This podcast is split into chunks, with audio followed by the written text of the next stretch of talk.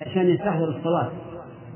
لكن هذه كل الأقاويل تبين الآن بعد تقدم الطب وبعد أن درس الناس فيه درس الناس حال هذا الدخان تبين قطعا أنه حرام. ولا إشكال عندنا فيه حتى قرأت آنفا جريدة عن شخص كبير المنزلة بين الناس أفتى بأن من لم يقل إن الدخان حرام فهو مرتد عن الإسلام. صعب صعب عظيم. فالقول الراجح الذي لا شك فيه عندي أنه حرام ولا يحرم طيب إذا الدخان أول ما ظهر من الأمور البينة أو المشتبهة؟ المشتبهة. والحمد لله رب العالمين وصلى الله وسلم على نبينا محمد وعلى آله وصحبه أجمعين وإلى غد إن شاء الله تعالى. أما بعد فإننا نعتذر من الإخوة الذين لم يسمعوا لأننا لو لو طلبنا من كل واحد أن يسمع لضاع عليه الوقت. ولكن كل إنسان حسيب نفسه. هذه هذه الأحاديث ينبغي للإنسان أن لا يهملها. وأن يحفظها في حديث آه، عائشة رضي الله عنها ما يدل على بطلان البدع مهما حسن قصد فاعلها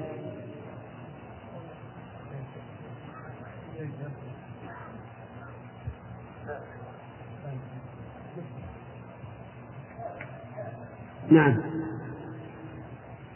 كمل. ما هو الدليل؟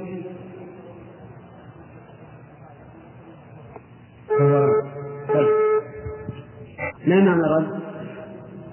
أي مردود عليه حتى وإن حسنت نيته. أيهما أعم لفظ مسلم أو لفظ الصحيحين؟ نعم. لفظ مسلم. وهو؟ إيش؟ لا. لا.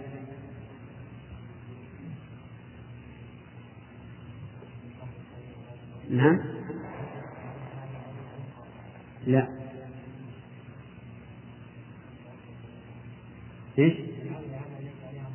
لا.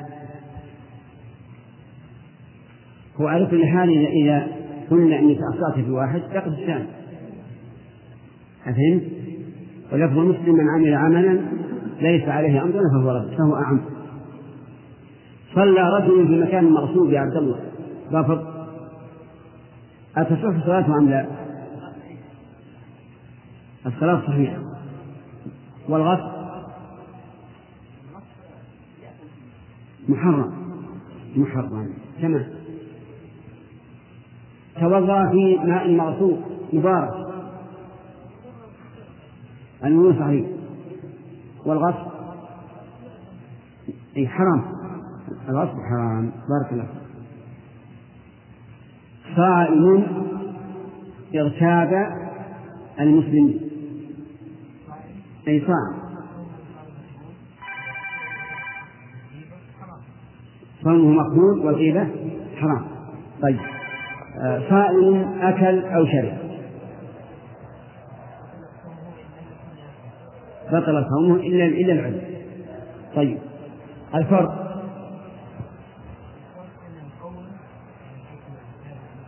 نعم. نعم. أن الغيبة لا تعود إلى الثياب عامة وأما الأكل والشرب فهو متعلق بذات العبادة. بارك الله فيك. جيد. آه، ما معنى قول النبي صلى الله عليه وسلم في حديث النعمان بن يسير؟ إن الحلال بين. واضح. يعني الحلال المحض اللي ما فيه إشكال؟ واضح. مثل ها؟ البيع كل البيع من الحلال البين ها؟ كل البيع من الحلال البين طيب إذا نريد شيئا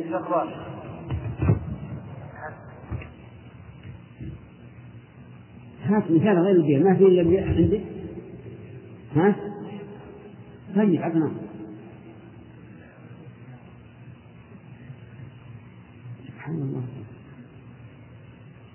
هل تغديت؟ ها؟ طيب إذا مثل. طيب. يعني مثل الثمار الحبوب الطيبات. هذا شيء بين. طيب. قول الحرام بين بكل صالح نعم. نريد ما معنى الحرام بين؟ نعم. يعني الحرام المحض الواضح بين. لا يشتبه على أحد. مثل الزنا السرقة شرب الخمر أكل الميتة شرب الخنزير إلى ما لا نهاية له. هذا الكلام الحلال بين والحرام بين توطئة لما بعده. فيفعل ها. توطئة لما بعده. أحسنت. المشتبه ولهذا قال بينهم أمور مشتبهات. طيب ذكرنا بالأمس أسباب الاشتباه. نعم. إما في إما في الدليل.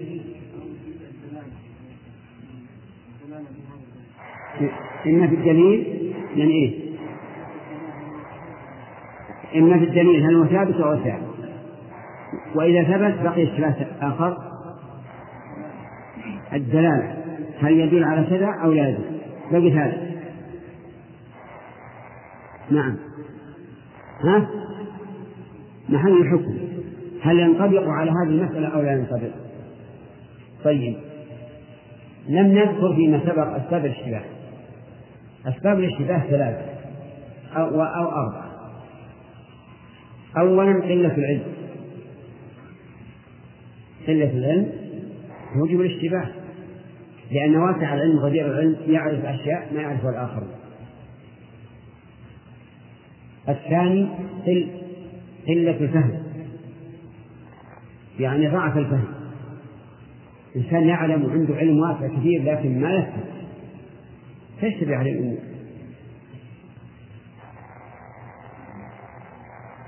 الثالث التقصير في التدبر.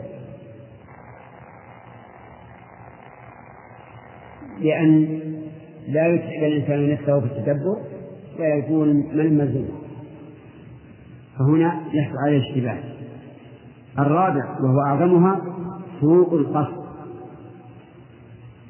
لأن لا يقصد الإنسان إلا نص قوله فقط. بقطع النظر عن قوله صوابا خطأ. فمن هذه نيته فإنه يحرم الوصول إلى العلم. نسأل الله العافية. لأنه يقصد من العلم هو اتباع الهوى. هذه أسباب الاشتباه. طيب. هل الاشتباه يكون على جميع الناس؟ لا. الدليل. لا يعلمون كثير من الناس. طيب يعني وكثير يعرف هذا من النص. أيضا من المعنى لو كانت النصوص مشتبهة على جميع الناس لم يكن القرآن بيانا. ولا بقي شيء من الشريعة مجهولا وهذا متعذر ما معنى قوله؟ فقد استبرأ لدينه وعرضه. قل يا. إي نعم. من اشتغل الشبهات فقد استبرأ لدينه وعرضه استبرأ معناه أول. طلب البراءة لدينه. فيما بينه وبين الله. ها؟ وعرضه فيما بينه وبين الناس. تمام. طيب. وأظن لا حاجة للذكر أنت لأنه سبق أليس كذلك؟ وذكرنا أمورا مشتبهة اختلف فيها العلماء رحمهم الله. فلا تعرض نفسك للوقوع في مثل هذه الأمور المشتبهة فينتهك الناس عرضك انتهينا أظن إلى قوله ألا وإن في الجسد مضغة إلى آخر. ها؟ الفوائد؟ ما ذكرنا الفوائد أبد؟ ها؟ فائدة واحدة من كل حديث؟ طيب. آه، من فوائد الحديث من فوائد الحديث التقسيم تقسيم الأشياء إلى ثلاثة أقسام. حلال بين وحرام بين ومشتبه ومن فوائد هذا الحديث حكمة الله عز وجل في ذكر آه، المشتبهات. حتى يعلم عز وجل من كان حريصا على طلب العلم ومن لا. ومن فوائد هذا الحديث أنه لا يمكن أن يكون في الشريعة ما لا يعلمه الناس كلهم. لقوله لا يعلمهن كثير من الناس. وكما علمنا قبل قليل لو وجد في الشريعة ما لا يعلمه الناس كلهم لم يكن القرآن بيانا لكل شيء ولبقي بعض الشريعة مجهولا. ومن فوائد هذا الحديث الحث على اتقاء الشبهات. الحث على اتقاء الشبهات. لكن هذا مشروط بما إذا قام الدليل على الشبهة. أما إذا لم يقم الدليل صار اتقاء الشبهات وسواسا وتعمقا. لكن إذا وجد ما يوجب الاشتباه فإن الإنسان مأمور بالورع وترك المشتبه أما ما لا ما لا أصل له فإن تركه تعمق. مثال ذلك ما ثبت في صحيح البخاري عن عائشة رضي الله عنها أن قوما أتوا إلى النبي صلى الله عليه وعلى آله وسلم وقالوا يا رسول الله إن قوما يأتوننا باللحم. لا ندري أذكر اسم الله عليه أم لا. فقال سموا أنتم وكلوا. قالت وكانوا حديث عهد بالكفر. هنا هل نتقي هذا اللحم لأنه لأن يخشى أن لا يسمى الله عليه؟ عجيب يا جماعة. لا نتقيه يعني ما فيه شيء يوجب الاتقاء. ولهذا قال النبي صلى الله عليه وعلى آله وسلم سموا أنتم وكلوا.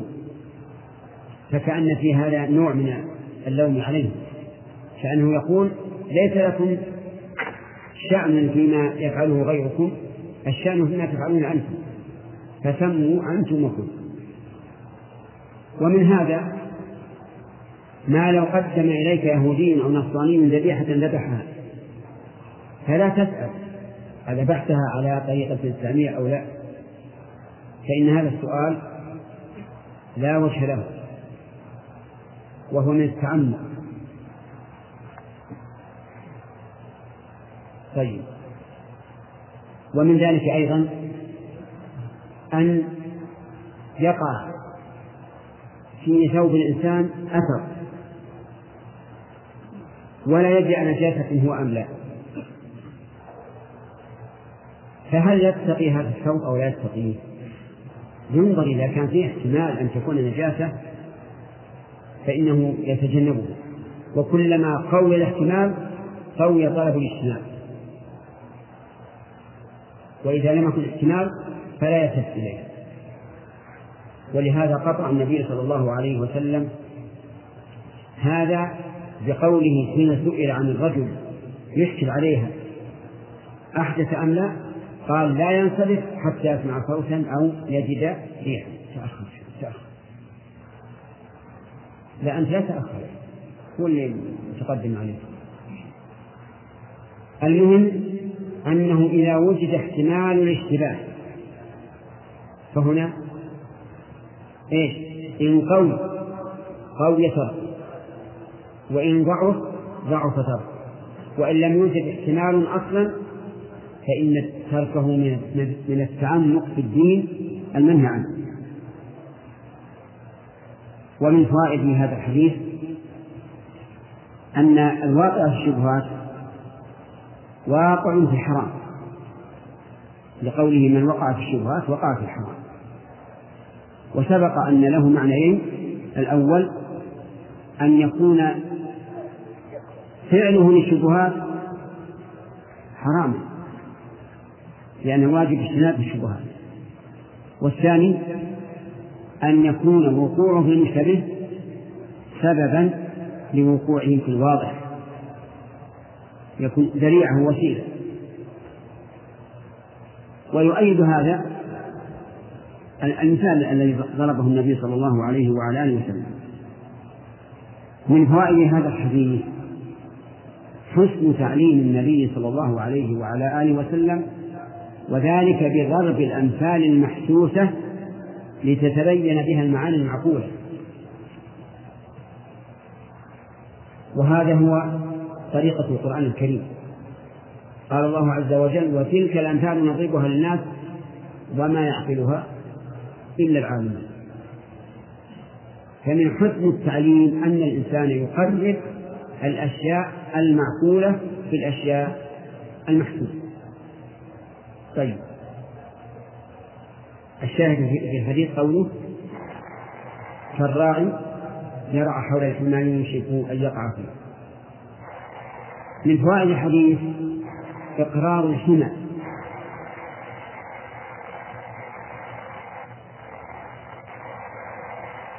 لقوله كالراعي يرعى حول الحمى أتوافقون على هذا أو لا؟ لا. ما, نوافق ما لا يوافق عليه. الحديث يدل على أمر الواقع لا على حكم شرعي. والنبي صلى الله عليه وسلم قد يذكر قد يذكر الأشياء لوقوعها لا لبيان حكمها لأنه بين. مثاله قول النبي صلى الله عليه وعلى آله وسلم لتركبن سنن من كان قبل هل يعني ذلك أن ركوبنا سنن من كان قبلنا جائز؟ لا هو أخبر عن الواقع. وأخبر أن الضعينة تسير من كذا إلى كذا. لا تشتهي إلا الله. الضعينة المرأة. فلا يعني هذا أنه يجوز لها أن تسافر بلا محرم لكن هذا ضرب مثل. إذا نقول الحديث هذا لا يدل على جواز الحمى. لأنه إيش؟ ضرب مثل لواقع. ولكن لا بأس أن نقول الحمى نوعان. حمى لمصالح المسلمين فهذا جائز. وحمى يختص به الحامي فهذا حرام. ليس له أن يختص في مكان عام. واضح؟ مثال الأول الحمى لمسالة المسلمين أن تحمى هذه الأرض من أجل أن يركز فيها أنابيب لإخراج الماء. فهذا جائز بلا شك. أو تحمى أرض خصة لإيش؟ لجواب المسلمين كجواب الزكاة والخيل للجهاد في سبيل الله وما أشبه ذلك. ومن فوائد هذا الحديث سد الذرائع. سد الذرائع. أي أن كل ذريعة توصل إلى محرم يجب أن تغلق. لأن لا يقع. لأن لا يقع في المحرم. وسد الذرائع دليل شرعي. في خلل عندهم.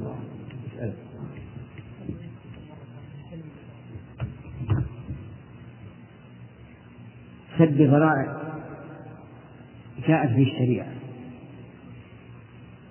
ومن دليل يا ولي لا لا ما أسأل. أنا أريد لماذا التفت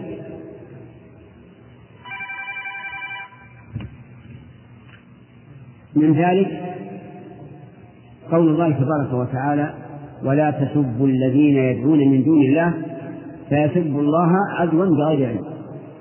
فنهى عن سب آلهة المشركين لأنها ذريعة إلى سب الله. وسب آلهة المشركين سب بحق. وسب الله عدو بغير علم. من فوائد هذا الحديث أن من عادة الملوك أن يحموا لقول النبي صلى الله عليه وسلم ألا وإن لكل ملك حمى. وقد عرفتم حكم الحمى آنفا. ومن فوائد هذا الحديث تأكيد الجمل في أنواع المؤكدات إذا دعت الحاجة إلى هذا. لا تقل إن التأكيد تطويل لأننا نجيبك فنقول التوكيد تطويل ولكن إذا دعت الحاجة صار من البلاغة. لقوله ألا ألا. عليه الصلاة والسلام. ومن فوائد هذا الحديث أن المدار في الصلاح والفساد على القلب. إذا صلح صلح الجسد كله وإذا فسدت فسد الجسد كله. ويتفرع على هذا أنه تجب العناية بالقلب. أكثر مما تجب العناية بعمل الجوارح. لأن القلب هو الذي عليه المدار. والقلب هو الذي يمتحن عليه الإنسان يوم القيامة كما قال عز وجل أفلا يعلم إذا بعثر ما في القبور وفصل ما في الصدور. وقال تعالى إنه على رفعه لقادر يوم تبلى السرائر طهر قلبك من الشرك والبدع والحقد على المسلمين والبغضاء وغير ذلك من الأخلاق أو العقائد المنافية للشريعة. فإن القلب هو الأصل.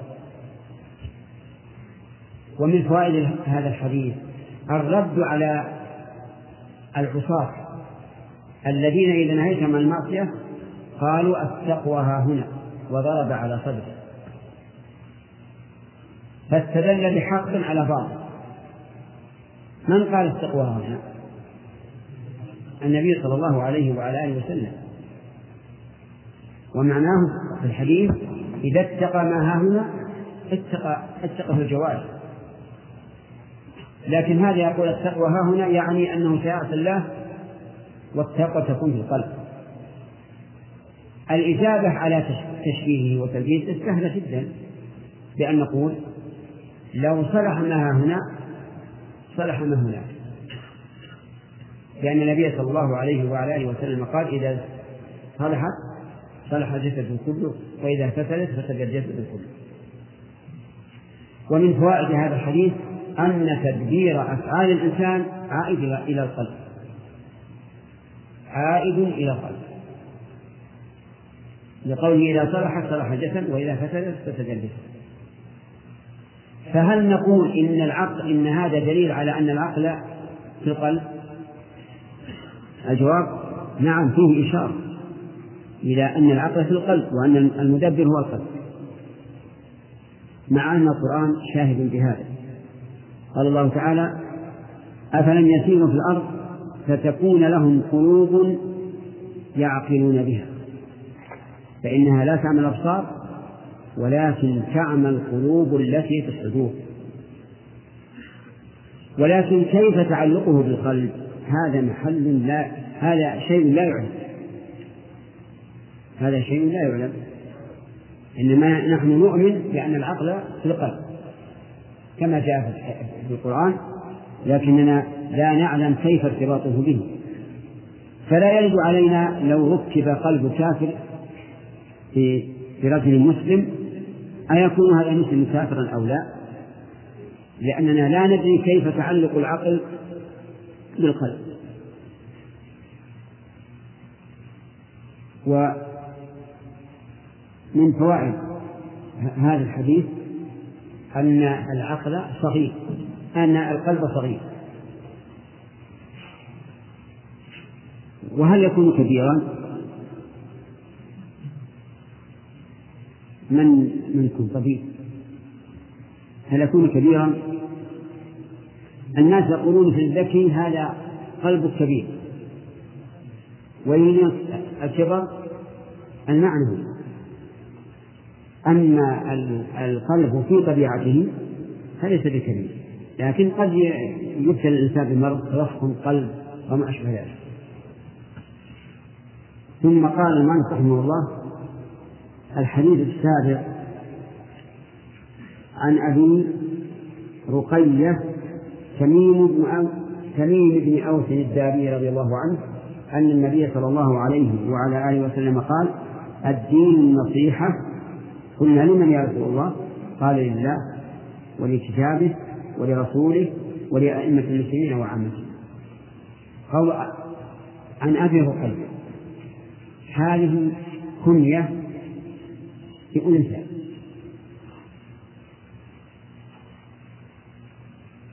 والغالب أن الكنية تكون بذكر لكن قد تكون بأنثى لا سيما إذا اشتهر. وقد تكون بغير إنسان كأبي هريرة مثلا. أبو هريرة اشتهر بهذا الاسم بهذه الكنية من أجل أنه كان معه هرة. ألفها وألفت. فسمي أبا هريرة. عن أبي رقيع تميم الداري تميم بن أوس الداري رضي الله عنه أن النبي صلى الله عليه وعلى آله وسلم قال الدين النصيحة مبتدأ وخبر. أين المبتدأ؟ الدين والخبر النصيحة. وكما تشاهدون. المبتدأ معرفة والخبر والخبر معرفة. قال علماء البلاغ وإذا كان المبتدأ معرفة والخبر معرفة كان ذلك من طرق الحصر. من طرق الحصر. فقوله الدين النصيحة مثل قوله ما الدين إلا النصيحة. يعني إذا كان طرف الجملة معرفتين كان ذلك من باب الحصر. وقول الدين يعني يعني بذلك دين العمل. لأن الدين ينقسم إلى قسمين دين عمل ودين جزاء. فقوله تبارك وتعالى مالك يوم الدين. المراد به دين الجزاء. وقوله لكم دينكم ولي دين دين العمل. وقوله رأيت لكم الإسلام دينا دين العمل. وقوله هنا دين النصيحة دين العمل. والنصيحة بمعنى الإخلاص يعني إخلاص الشيء.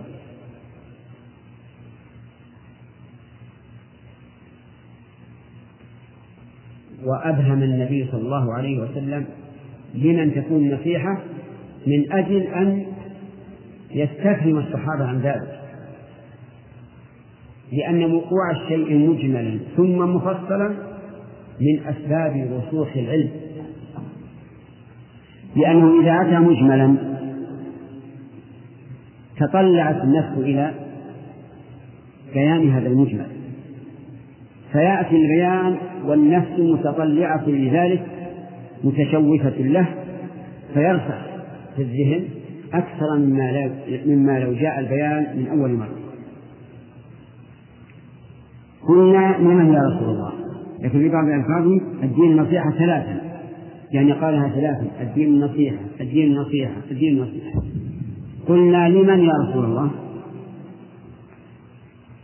قال لله ولكتابه ولرسوله ولأئمة المسلمين وعامتهم النصيحة لله تتضمن أمورا الأول الإخلاص إخلاص العبادة له. إخلاص العبادة له. الثاني الشهادة له بالوحدانية في ربوبيته وألوهيته وأسمائه وصفاته.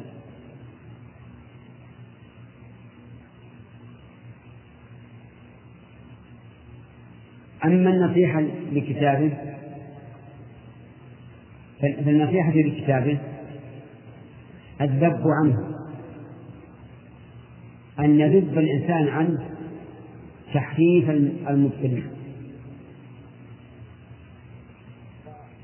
ويبين بطلان من حرم. بطلان تحريف من حرم. الثاني يعني يتضمن الأمور الثاني تصديق خبره تصديقا جازما لا مرية فيه. فلو كذب خبرا من أخبار الكتاب لم يكن ناصحا. ومن شك فيه وتردد لم يكن ناصحا. الثالث امتثال أوامره. يعني ما ورد في كتاب الله من أمر فامتثل. فإن لم تمتثل لم تنصح. والرابع اجتناب ما نهى عنه. فإن لم تفعل لم تمتثل. والخامس أن تؤمن بأن ما تضمنه من الأحكام هو خير الأحكام. وأنه لا حكم أحسن من أحكام القرآن الكريم. والسادس أن تؤمن بأن هذا القرآن كلام الله عز وجل. حروفه ومعناه. تكلم به حقيقة.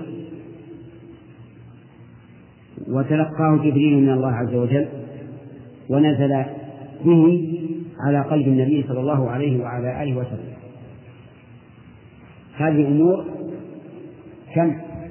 أمور ستة النصيحة لرسوله صلى الله عليه وعلى آله وسلم أيضا بأمور أولا تجريد المتابعة له.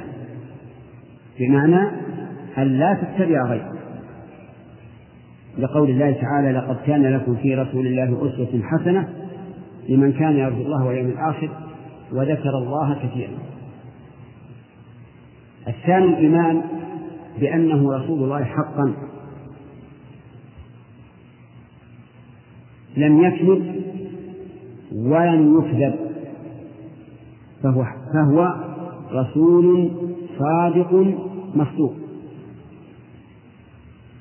الثالث أن تؤمن بكل ما أخبر به من الأخبار الماضية والحاضرة والمستقبل. الرابع أن تمتثل أمره والخامس أن تجتنب نهيه والسادس أن تذب عن شريعته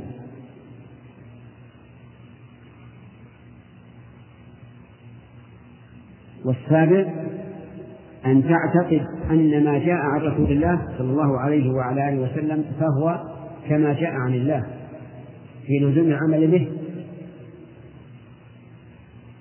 لا تقل هذا ليس في القرآن لأن ما ثبت في السنة فهو كالذي جاء في القرآن. الثامن نصرة النبي صلى الله عليه وعلى آله وسلم إن كان حيا فمعه وإلى جانبه وإن كان ميتا فنصرة سنته صلى الله عليه وعلى آله وسلم.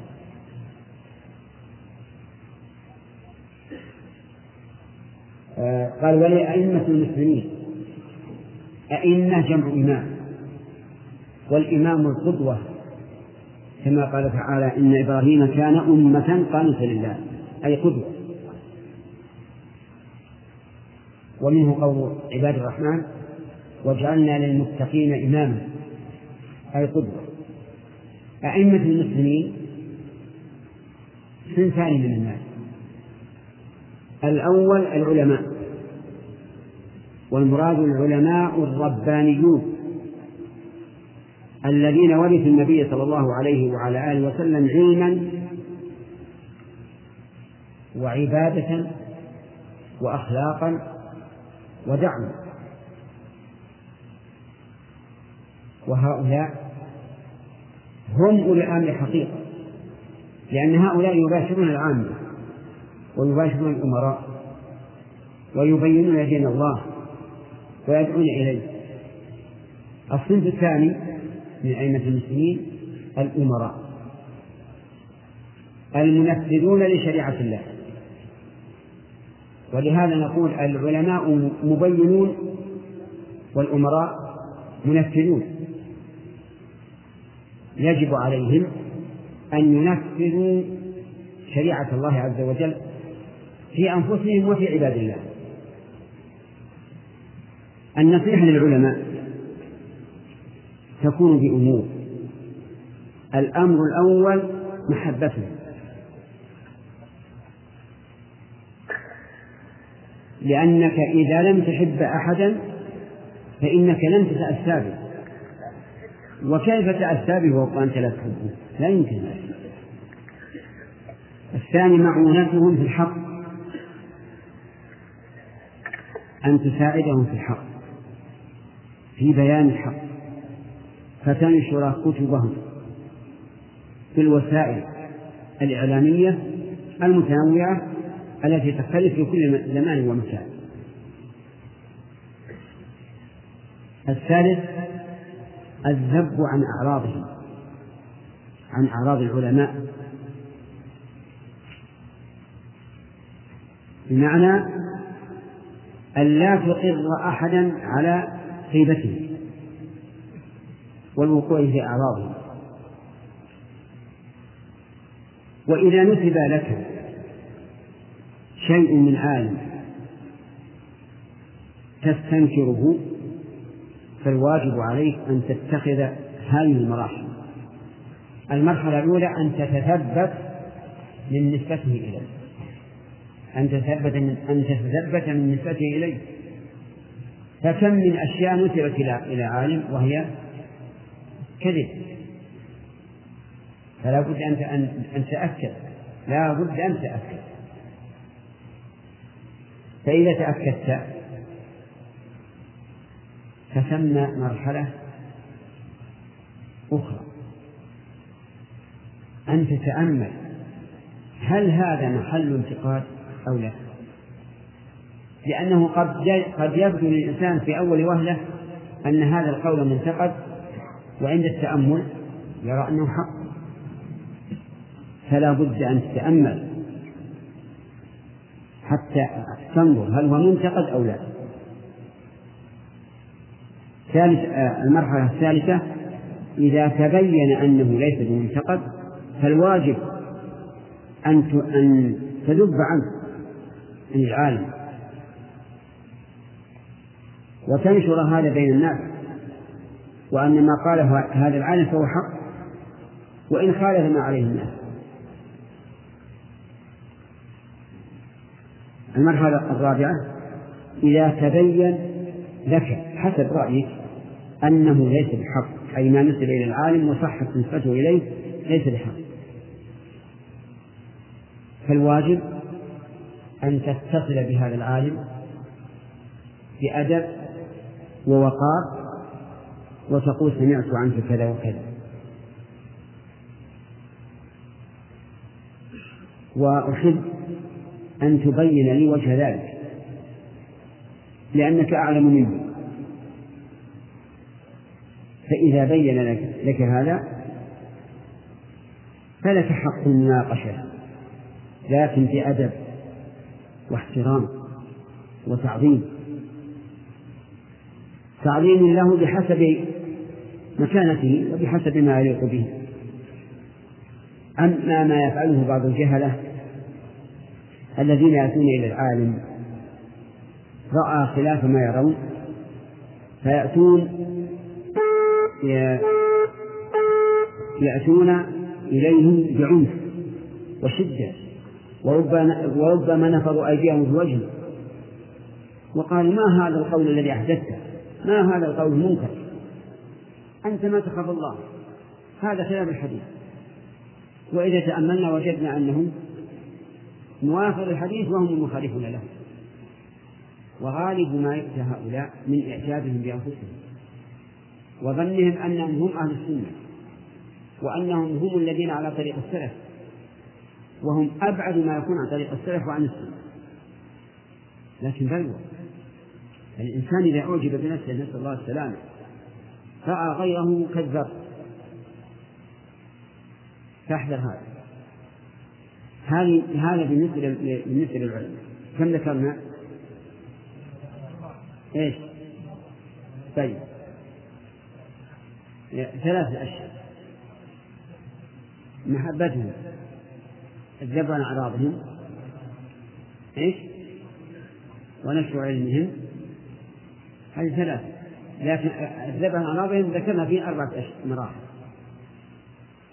الأمر الرابع من نصيحة للعلماء أنك إذا رأيت منه خطأ أنت بنفسك أن لا تسمع وتقول هذا أعلم مني هذا تناقش لأنه أحيانا يخفى على الإنسان الحكم فينبهه إنسان دونه في العلم فينتبه. وهذا من النصيحة للعلماء. الخامس أن تدلهم على خير ما يكون في دعوة الناس. يعني مثلا رأيت هذا العالم محبا لنشر العلم ويتكلم ويتكلم في كل مكان. وترى وترى الناس يتثاقلون ويقول هذا أثقل علينا. كلما جلسنا قام يحب فهنا من من من من, من النصيحة له أن تشير عليه أن لا يتكلم إلا فيما يناسب المقام. لا تقل إني إذا قلت ذلك منعته منعته من العلم أبدا. هذا في الواقع من حفظ العلم. لأن الناس إذا ملوا سئموا من الرجل ومن حديثه.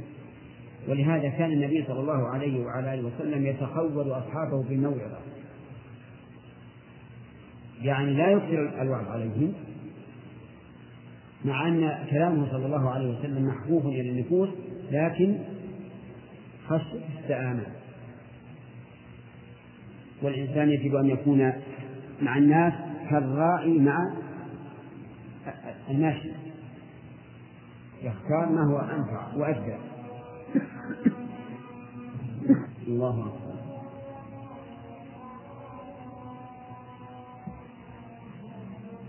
الله أكبر. نعم يا سليم.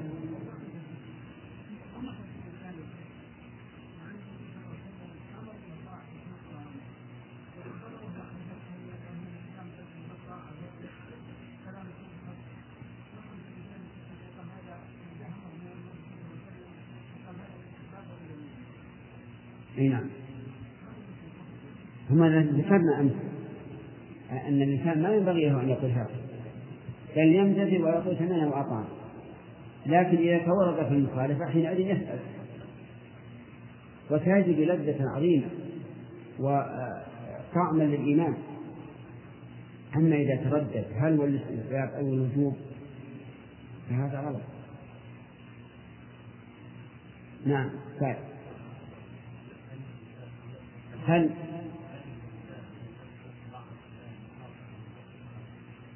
هذا هذا يعود إلى كل إنسان مع نفسه. ولا الأفضل أن لا يدع الشيء الحلال البين لكن أحيانا الناس يختلفون. يخشى على نفسه. فكل إنسان يبين نفسه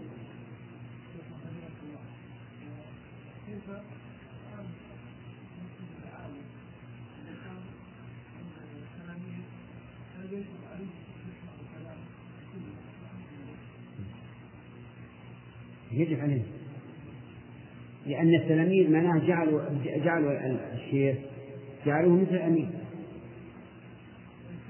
لكن لهم الحق في أن يناقشوا بأدب و... و... ولباقة فيما يشكل عليهم نعم. يأخذ مما يقول شيخ إذا لم يتبين له بالدليل أن كلام شيخه مخالف بالدليل وإذا تبين أن المخالف يجب أن يتكلم مع الشيخ وينقذه من من الخطأ.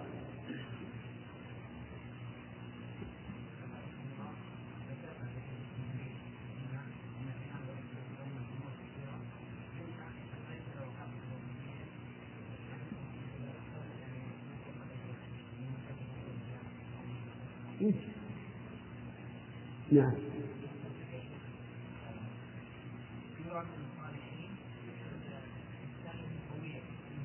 أن إيش؟ نعم.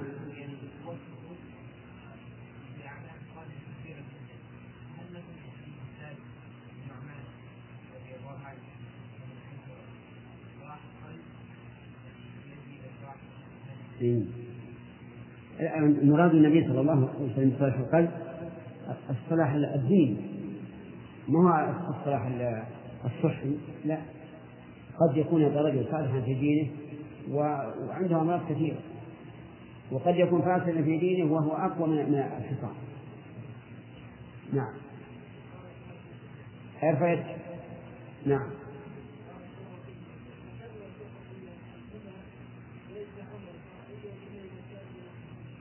ليس جائزا.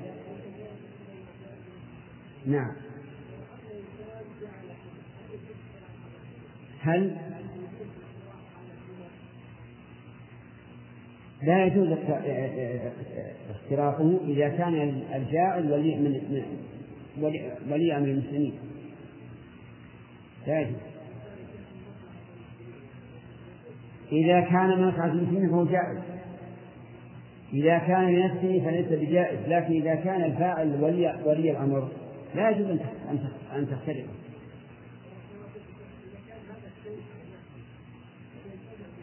لا المسلمون هو السؤال ضيعت مشيك ومشي الحمام نعم. لا تغير خلاص.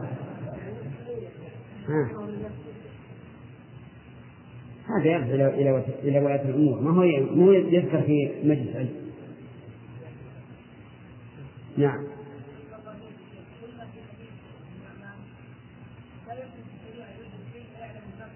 نعم. ما له معنى. ألست تحضر معنا درس الصبح؟ ذكرنا هذه ما لها معنى. أصلا تركيبها ما لها معنى. يعني سياق على هذه الصفة ليس له معنى. ها؟ كم؟ ثمان ثواني. انتهى. طيب. النصيحة لولاة الأمور للأمراء. النصيحة للأمراء تكون بأمور. الأمر الأول اعتقاد إمامتهم وإمرتهم. فمن لم يعتقد أن أنهم أمراء فإنه لن يصح لأنه إذا لم يعتقد أنهم أمراء فلن يمتثل أمرهم ولن ينتهي عن عما نهوا عنه. عما نهوا عنه. نعم عما نهوا عنه. لابد أن تعتقد أنه إمام أو أنه أمير. ومن مات وليس في عنقه بيعة لأحد مات ميتة جاهل ومن تولى أمر المسلمين ولو بالغلبة فهو إمام سواء كان من قريش أو من غير قريش. هذا واحد. ثانيا. أن نعم. نشر محاسنه في الرعية. لأن ذلك يؤدي إلى محبة الناس له. وإذا أحبهم الناس سهل انقيادهم لأوامرهم. وهذا عكس ما يفعله بعض الناس. ينشر المعايب ويخفي الحسنات. فإن هذا جور جور جور. وظلم. تجد مثلا يذكر خصلة واحدة مما يعيب مما يعيب به على الأمراء وينسى خصالا كثيرة مما قاموا به من الخير. وهذا هو الجور بعينه ثالثا امتثال ما أمروا به وما نهوا عنه.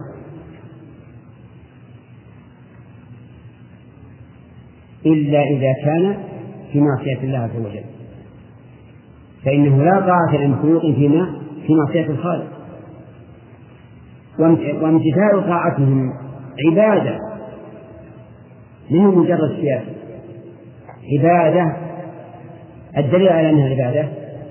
إن الله تعالى أمر بها. فقال عز وجل يا أيها الذين آمنوا أطيعوا الله وأطيعوا الرسول وأولي الأمر منه. منكم فجعل ذلك من مأموراته عز وجل. وما أمر الله به فهو, فهو عبادة. وهل يشترط في طاعته أن لا يعصي الله؟ الجواب لا. أطعهم فيما أمروا به وإن عصوا الله. لأنك مأمور بطاعتهم وإن عصوا الله في أنفسهم.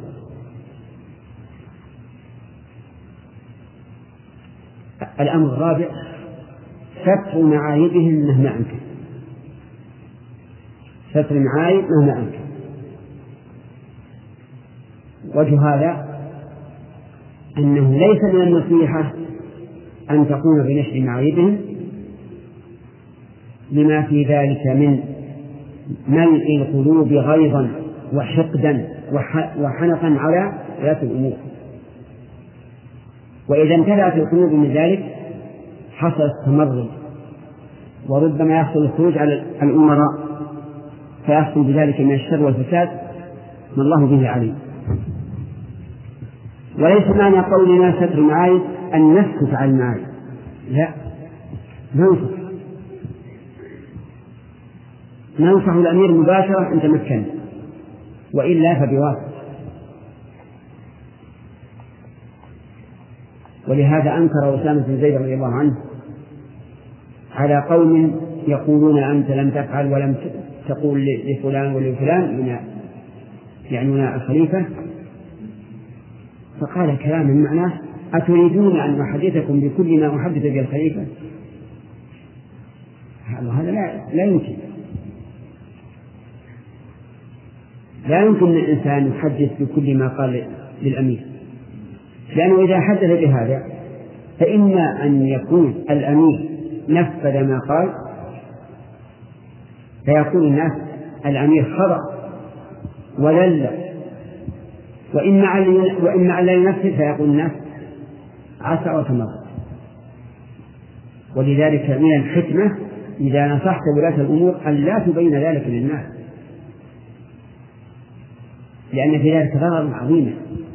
لأن ولي الأمر إما أن يوافقك أو يخالف إن وافقت قالت العامة خضع ودل ونزل رأسه وإن خالفت قال العامة تمرد وطغى واستكبر ومن النصح للأمراء عدم الخروج عليهم. وعدم المنابذة لهم. ولم يرخص النبي صلى الله عليه وعلى آله وسلم في منابذتهم إلا كما قال أن تروا كفرا بواحا عندكم فيه من الله برهان. الكفر البواح يعني الواضح البين وعندكم فيه من الله برهان أي جليل قاطع. وإلا أن تروا يعني رؤية عين أو رؤية عين متيقنة. ثم إذا جاز الخروج عليهم بهذه الشروط هل يعني ذلك أن نخرج؟ لأن هناك فرقا بين جواز الخروج وبين وجوب الخروج. فلم نخرج. حتى لو رأينا كفرا بواحا عندنا فيه من الله برهان فلن نخرج إلا حيث يكون الخروج. مصلحة. وليس من المصلحة أن تقوم فئة قليلة سلاحها قليل. في وجه دولة بقوتها وسلاحها لأن هذا يترتب عليه إراقة الدماء واستحلال الحلال دون ارتفاع المحذور الذي انتقدوا به الأمراء. كما تشاهدونه من عهد خروج الخوارج في زمن الخلفاء الراشدين إلى إلى يومنا هذا. يحصل من الشر والفساد ما لا يعلمه إلا رب العباد. لكن بعض الناس عندهم الغيرة. تتوقد نار الغيرة في قلوبهم ثم يحدثون ما لا ما لا ما لا يحمد عقباه.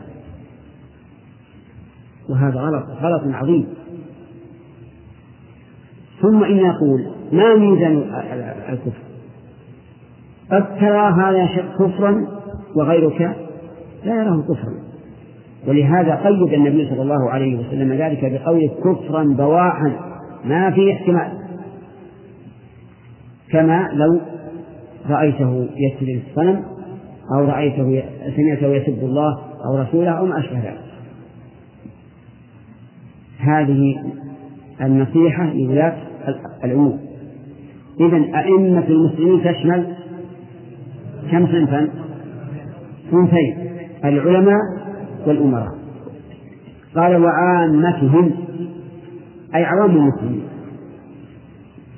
أن يرشد عامة المسلمين أن تبدي لهم المحبة وبشاشة الوجه وإلقاء السلام والنصيحة والمساعدة.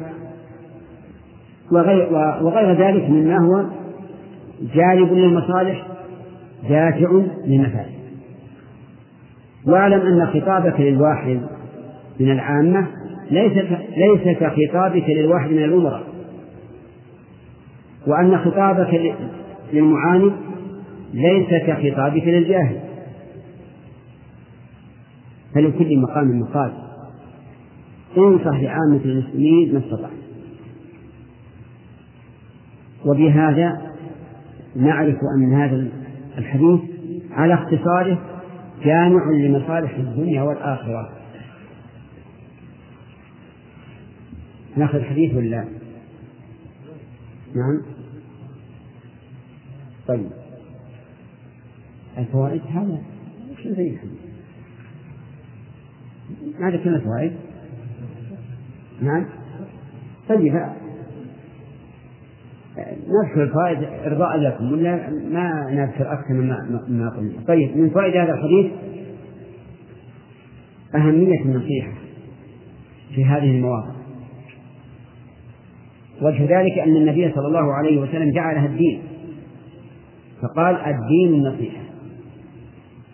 ومن فوائد هذا الحديث حسن تعليم الرسول صلى الله عليه وعلى آله وسلم حيث يذكر الشيء مجملا ثم يفصله.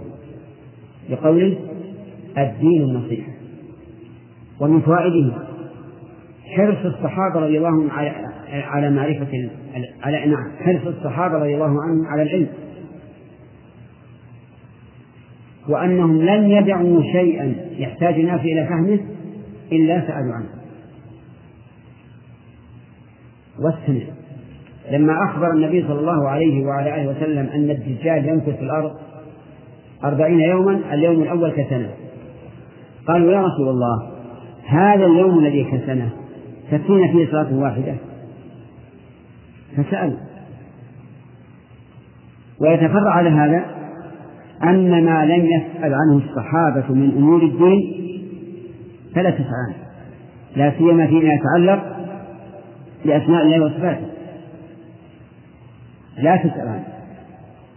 ولهذا عد الإمام مالك رحمه الله من سأل عن كيفية الاستواء عده مبتدعا.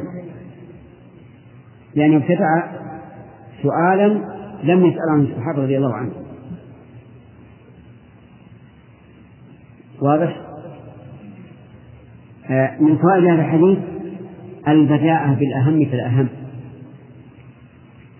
فبدأ النبي صلى الله عليه وسلم بالنصيحة لله. ثم للكتاب ثم للرسول ثم لأئمة المسلمين ثم عامته وإنما قدم الكتاب على الرسول لأن الكتاب يبقى. والرسول يموت. فلهذا قدم الكتاب على الرسول. على أن نصيحة للكتاب وللرسول متلازمات. إذا نصح للكتاب نصح للرسول وإذا نصح للرسول نصح للكتاب. ومن فوائد هذا هذا الحديث وجوب النصيحة لولاة نعم لأئمة المسلمين. وذلك بما ذكرناه من الوجوه بالنسبة للأمراء وبالنسبة للعلماء. ومن فوائد هذا الحديث الإشارة إلى أنه إلى أن المجتمع الإسلامي لا بد له من إمام. أئمة المسلمين. والإمامة قد تكون عامة وقد تكون خاصة. إمام المسجد إمام في مسجده. ولهذا قال أهل العلم لا يجوز أن تقام الجماعة التي التي لها إمام راتب بدون إذن الإمام. الإمام الراتب. لأن ذلك عدوان على حقه. فلا بد للمسلمين من إمام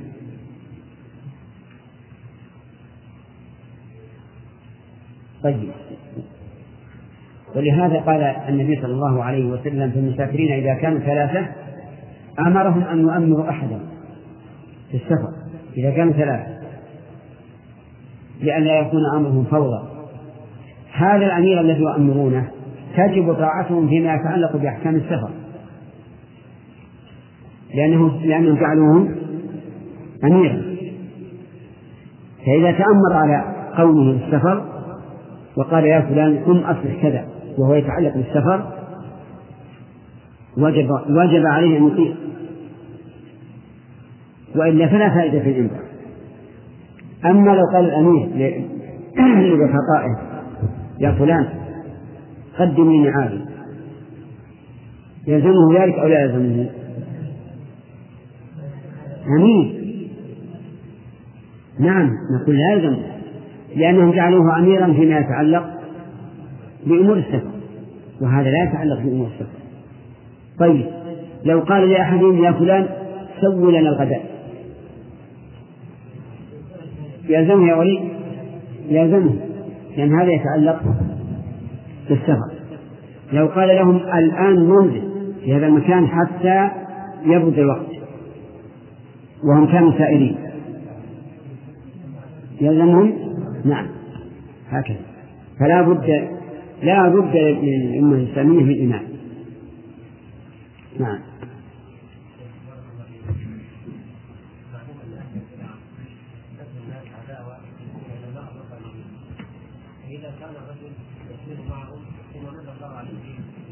العلماء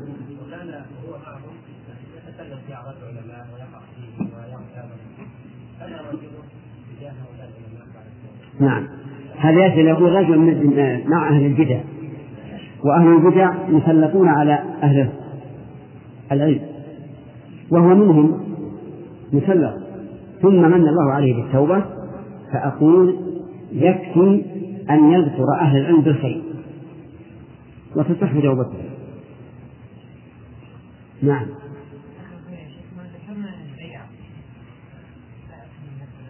ها؟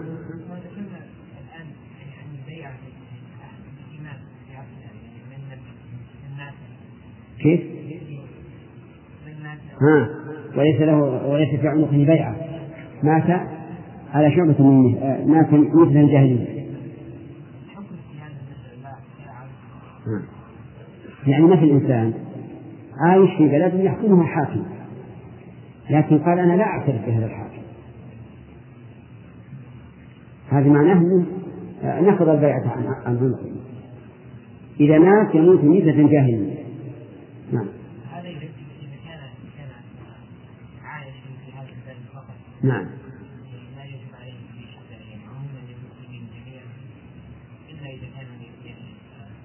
يعني مثلا لو كان لو كان هو من بلاد كفر. بلاد الكفر ليس لها إمام لأن الكافر لا يكون إماما للمسلمين. لكن يلزمه أن يخضع للنظام. ما لم يكن معه. لأنه تحت ولاية. فلا يقول والله هذا الرجل ليس ليس بمسلم ويعلن كفره ولا طاعة له. لا. يجب أن يخضع للنظام. نظام الدولة, الدولة التي هو فيها وإن لم تكن من دول الإسلام بشرط أن لا يخالف النظام شريعة الإسلام. نعم.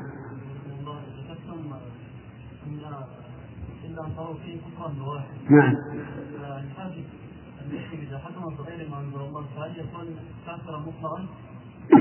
لا. الحكم بغير ما أنزل الله طويل عريض له أسباب. قد يكون سببه الظلم. أي أن الحاكم يريد أن يظلم هذا الرجل مثلا. لا يريد أن يغير حكم الله. هذا لا قد يكون الهوى. فأسبابها كثيرة. فلا يجوز الإطلاق بأن كل من حكم بغير الله فهو كافر حتى يفصل في هذا نعم العالم غير الرباني الذي يشير الشريعة كمن يقول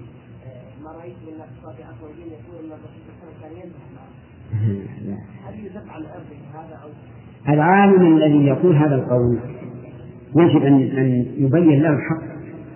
ويقول كيف يكون الرسول لما قال للنساء ما رأيت من ناقصات عقل ودين؟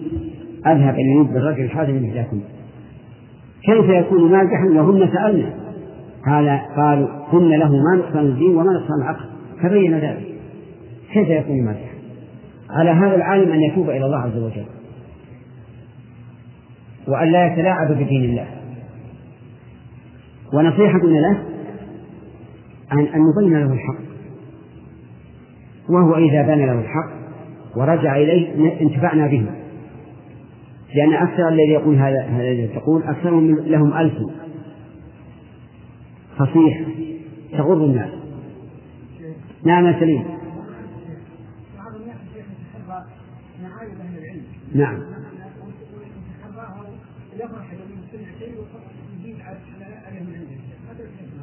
هذا حرام يا أخي. الذي يتحرى عيوب الناس بقطع النظر عن, عن كونهم علماء أو أمراء. هذا خطر عظيم. جاء في الحديث يا معشر من آمن بلسانه ولم يدخل الإيمان قلبه لا تؤذوا المسلمين ولا تتبعوا عوراتهم فإن من اتبع عورة أخيه فضحه الله ولو كان في بيت أمه أو قال جحر أمه.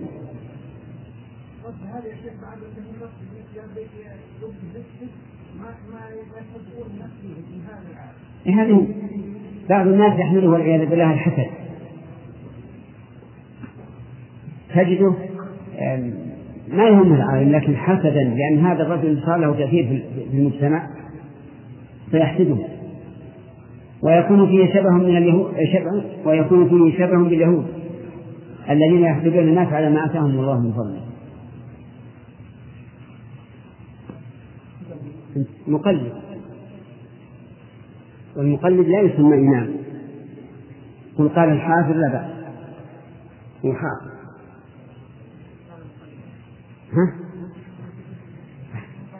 قال المقلد لا.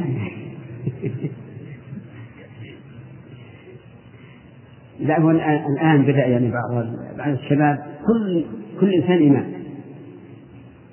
وإن لم يكن متبوعا والإمام لابد أن يكون متبوعا مجتهدا. نعم. فلذلك يجب أن يعطى كل ذي حق حقه. أن يعطى كل ذي حق حقه. نعم.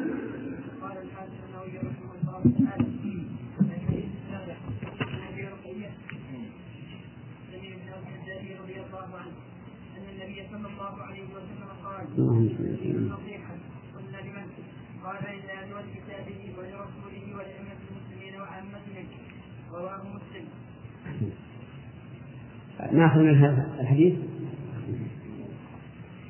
الحمد لله رب العالمين وصلى الله وسلم على نبينا محمد وعلى آله وأصحابه ومن تبعهم بإحسان إلى يوم الدين. ذكرنا أنه يستفاد من هذا الحديث حسن تعليم النبي صلى الله عليه وعلى آله وسلم.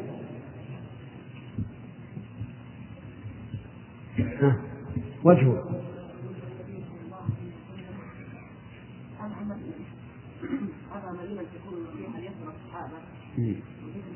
أفهم أولا وأجمل؟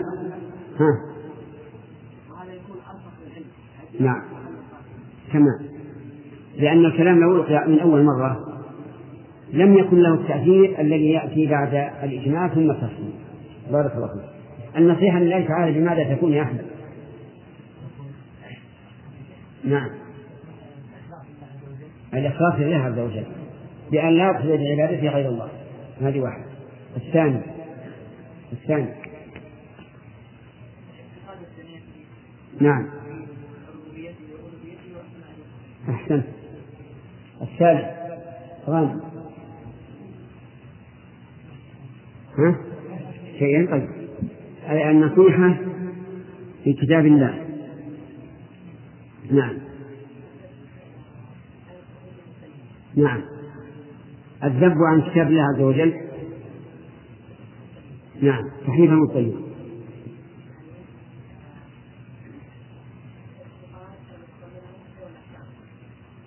نعم. أن ما تضمنه من الأحكام خير الأحكام. الثالث عنه الرابع اجتناب النهي إيش؟ الإيمان بأن القرآن كلام الله. حقيقة. طيب لفظه ومعناه السادس.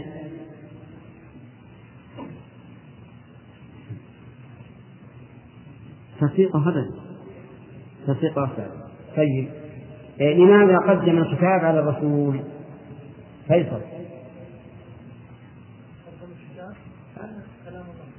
قدم الكتب على الرسل. نعم. تمام. لأن يعني الرسل باقية الكتب باقية. يدركها أول الأمة وآخرها بخلاف الرسل فلا يبقى إلا شريعتهم. من هم أئمة المسلمين؟ يحيى. يعني اثنتين طيب. العلماء والأمراء. طيب. كيف كان العلماء أئمة؟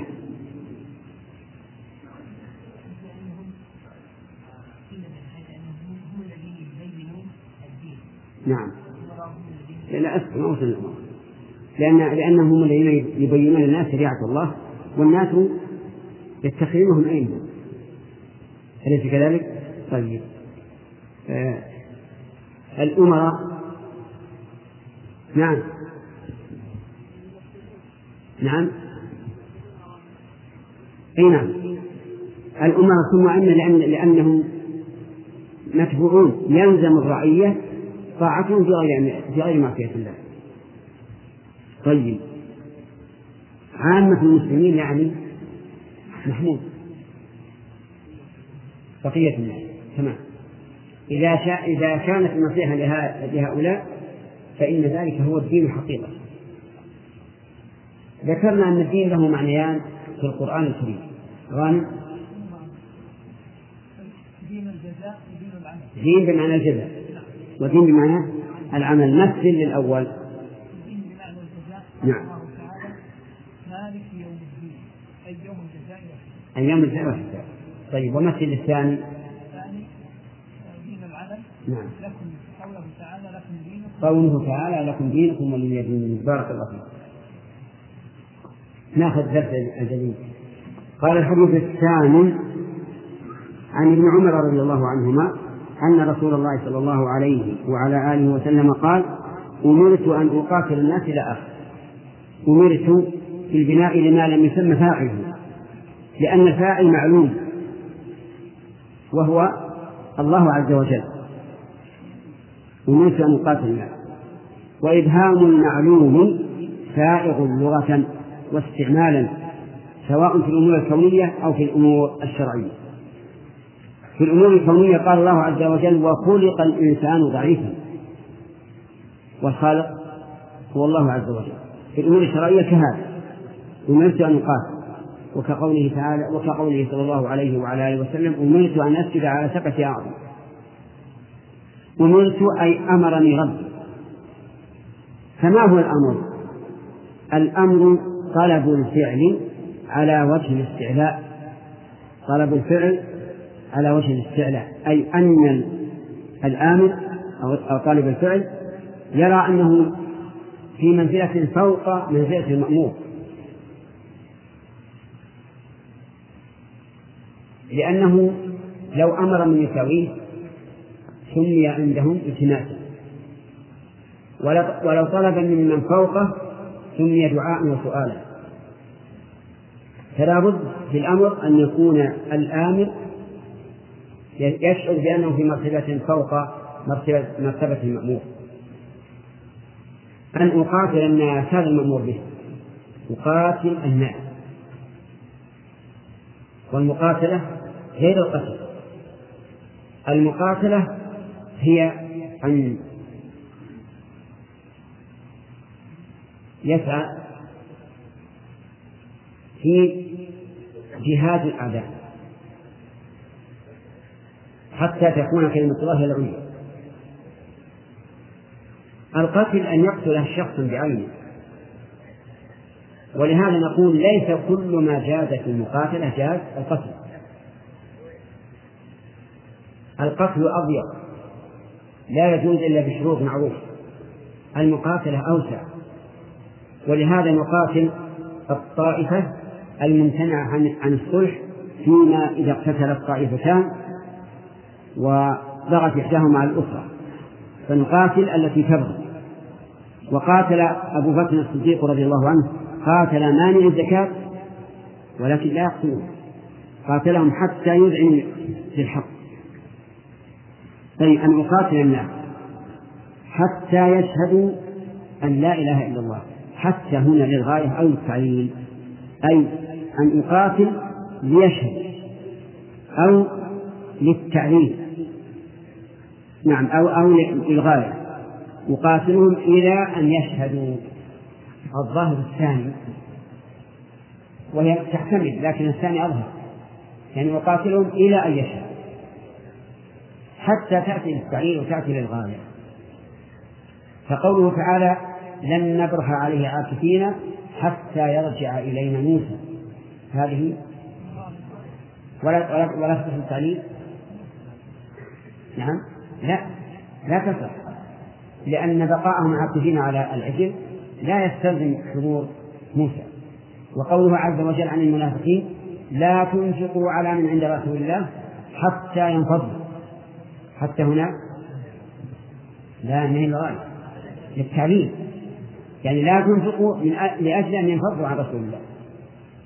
وليس معنى لا تنفقوا حتى ينفضوا فإذا انفضوا فأنفقوا. طيب حتى يشهدوا أن لا إله إلا الله يشهدوا بألسنتهم وبقلوبهم. لكن من شهد بلسانه عصم دمه وماله وقلبه إلى الله عز وجل. أن لا إله إلا الله أي لا معبود حق إلا الله عز وجل. فهو الذي عبادته حق ومن سواه بل وما سواه فعبادته باطلة وأن محمدا رسول الله. محمدا هو ابن عبد الله. وأبرز اسمه ولم يقل وأني رسول الله. للتفخيم للتفخيم والتعظيم.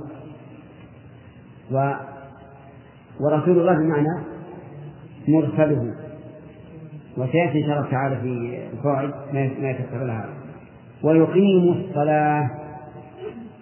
أي يفعلوها قائمة وقويمة على ما جاء في الشريعة. والصلاة هنا عامة لكن المراد بها الخاص وهي الصلوات الخمس. ولهذا لو تركوا النوافل لا يقاتلون. و ويؤتوا الزكاة أي يعطوها مستحقها. والزكاة هي النصيب المفروض في الأموال الزكوية. ففي الذهب مثلا والفضة وعروض التجارة ربع العشر يعني واحد من أربعين وفيما يخرج من الأرض مما فيه الزكاة نصف العشر إن كان يسقى بمعونة والعشر كاملا إن كان يسقى بلا معونة. وفي الماشية لا ينحصر لأنه معين بالسنة. فإذا فعلوا ذلك أي شهدوا أن لا إله إلا الله وأن محمدا رسول الله وأقاموا الصلاة وآتوا الزكاة عصموا مني دماءهم وأموالهم. عصموا أي منعوا مني دماءهم وأموالهم أي فلا يحل أن أقاتلهم وأستبيح دماءهم ولا أن أغنم أموالهم لأنهم دخلوا في الإسلام. إلا بحق الإسلام. هذا الاستثناء استثناء لكنه عام. يعني إلا أن تباح دماؤهم وأموالهم بحق الإسلام مثل آه الزنا زنا السيد القصاص وما أشبه ذلك. يعني إلا بحق يوجبه الإسلام وحسابهم على الله عز وجل على الله تعالى أي محاسبتهم على الأعمال على الله. أما النبي صلى الله عليه وعلى آله وسلم فليس عليه إلا البلاغ. فهذا الحديث كما ترون أصل وقاعدة في جواز مقاتلة الناس وأنه لا يجوز مقاتلتهم إلا بهذا بهذا السبب. فمن فوائد الحديث فوائد نعم للحديث فوائد منها أن النبي صلى الله عليه وعلى آله وسلم عبد مأمور. يوجه إليه الأمر كما يوجه إلى غيره لقوله أمرت ومنها جواز إبهام المعلوم إذا كان المخاطب يعلمه لقوله أمرت فأفهم الآمر لكن المخاطب يعلم ذلك. ومن فوائد هذا الحديث وجوب مقاتلة الناس حتى يقوموا بهذه الأعمال. فإذا قال قائل لماذا لا تجعلون الأمر للاستحباب؟ قلنا لا لا نجعله للاستحباب لأن هذا فيه استباحة محرم. واستباحة المحرم لا تكون إلا لإقامة واجب. انتبه استباحة المحرم لا تكون إلا لإقامة واجب ولهذا استدل بعض الفقهاء رحمهم الله على وجوب الختان بأن الختان قطع شيء من, من, من إنسان محترم والأصل التحريم ولا الجواز؟ التحريم أن لا تقطع ولا جلد من بدنه فلما استبيح هذا القطع دل على وجوب الختان إذ لا يستباح المحرم إلا لأداء واجب وعلى هذا فنقول الأمر هنا للوجوب. وفرضية الجهاد أمر معلوم. أمر معلوم للجميع. والجهاد فرض كفاية. وقد يكون فرض عين. ولا يمكن أن يكون فرض عين على جميع الناس. لقوله تعالى وما كان المؤمنون لينفروا كافة فلولا نفر من كل فرقة منهم طائفة ليتفقهوا أي القاعدون في الدين ولينذروا قومهم إذا رجعوا إليهم لعلهم يحذرون. ومن فوائد هذا الحديث وجوب الشهادة أن لا إله إلا الله بالقلب واللسان. فإن أداها لنا بلسانه ولا ولا, ولا ندري عما في قلبه أخذنا بظاهره. ووكلنا سريرته إلى الله عز وجل. ولا يجوز أن نتهمه ونقول هذا الرجل قالها كاذبا أو خوفا من قتل أو أسر لأننا لا ننقب عن قلوب الناس. ومن فوائد هذا الحديث أنه لابد أن يعتقد الإنسان أن لا معبود حق إلا الله. فلا يكفي أن يعتقد أن الله معبود بحق لأنه إذا شهد أن الله معبود بحق لم يمنع أن غيره أن غيره يعبد بحق أيضا. لا يكون التوحيد إلا بنفي وإثبات. لا إله إلا الله. نفي الألوهية عن نفي الله وإثباتها لله عز وجل. ومن فوائد هذا الحديث أن المقاتلة لا ترتفع إلا بشهادة أن محمد رسول الله. وأما الدخول في الإسلام فيكون بشهادة أن لا إله إلا الله. لكن لو شهدت طائفة أن لا إله إلا الله وأبت أن تشهد أن محمد رسول الله قتلت أو لا؟ نعم تقاتل. تقاتل. طيب. شهادة أن محمد رسول الله تستلزم تجريد المتابعة له وأن لا يتبع من سواه وكذلك تصديق خبره وامتثال أمره واجتناب نهيه. من فوائد هذا الحديث وجوب إقامة الصلاة.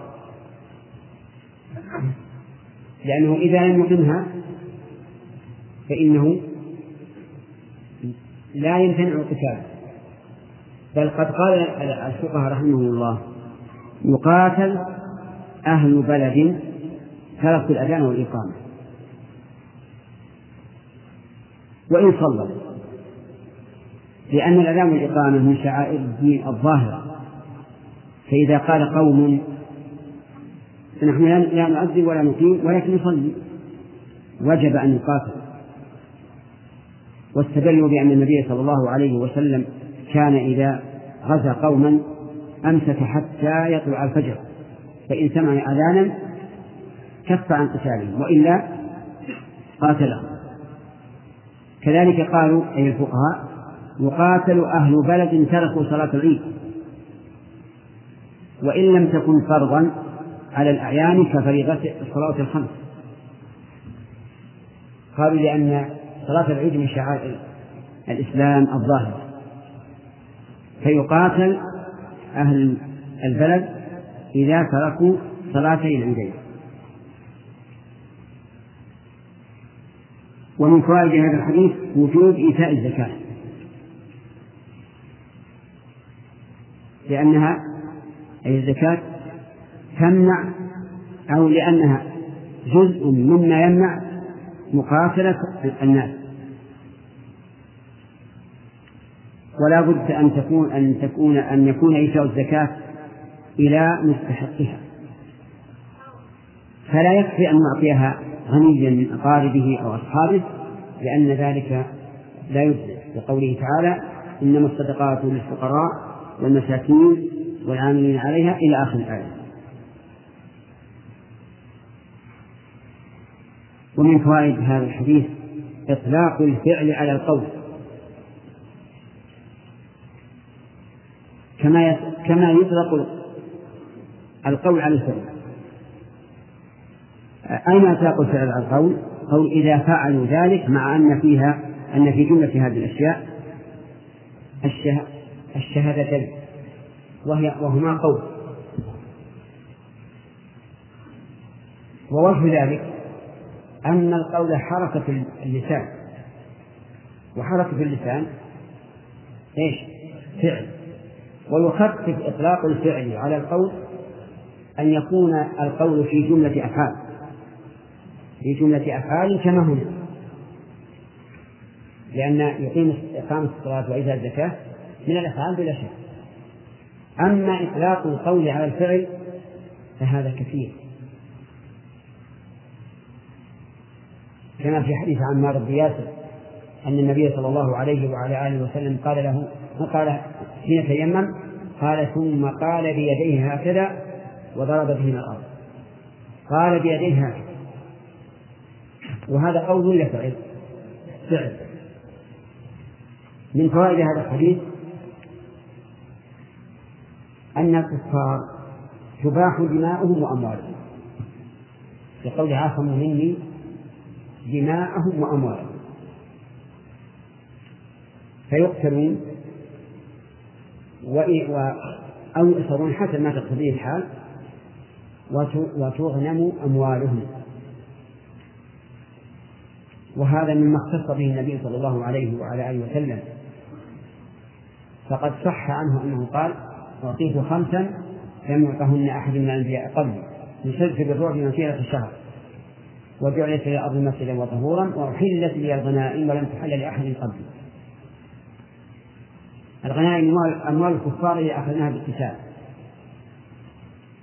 أما الأمم السابقة لا, تحل لهم الغنائم وقد ذكروا أنهم يجمعونها ثم تنزل نار من السماء فتحرق فتحرقها آه، من فوائد هذا الحديث أنه قد يستباح الدم والمال بحق بحق الإسلام. بحق الإسلام. وإن لم يكن من هذه المذكورات وقد نوقش أبو بكر الصديق رضي الله عنه في قتال مانع الزكاة. فأجاب بأن الزكاة حق المال. والنبي صلى الله عليه وسلم قال إلا بحق الإسلام. وقال والله لو منعوني عناقا أو قال عقالا كانوا يعدونه إلى النبي صلى الله عليه وسلم فقاتلتهم على ذلك. وأسباب إباحة القتل في الإسلام كثيرة وليس هذا موضع بسها لكنها معلومة في التتبع ومن فوائد هذا الحديث أن حساب الخلق على الله عز وجل وأنه ليس على الرسول إلا البلاغ.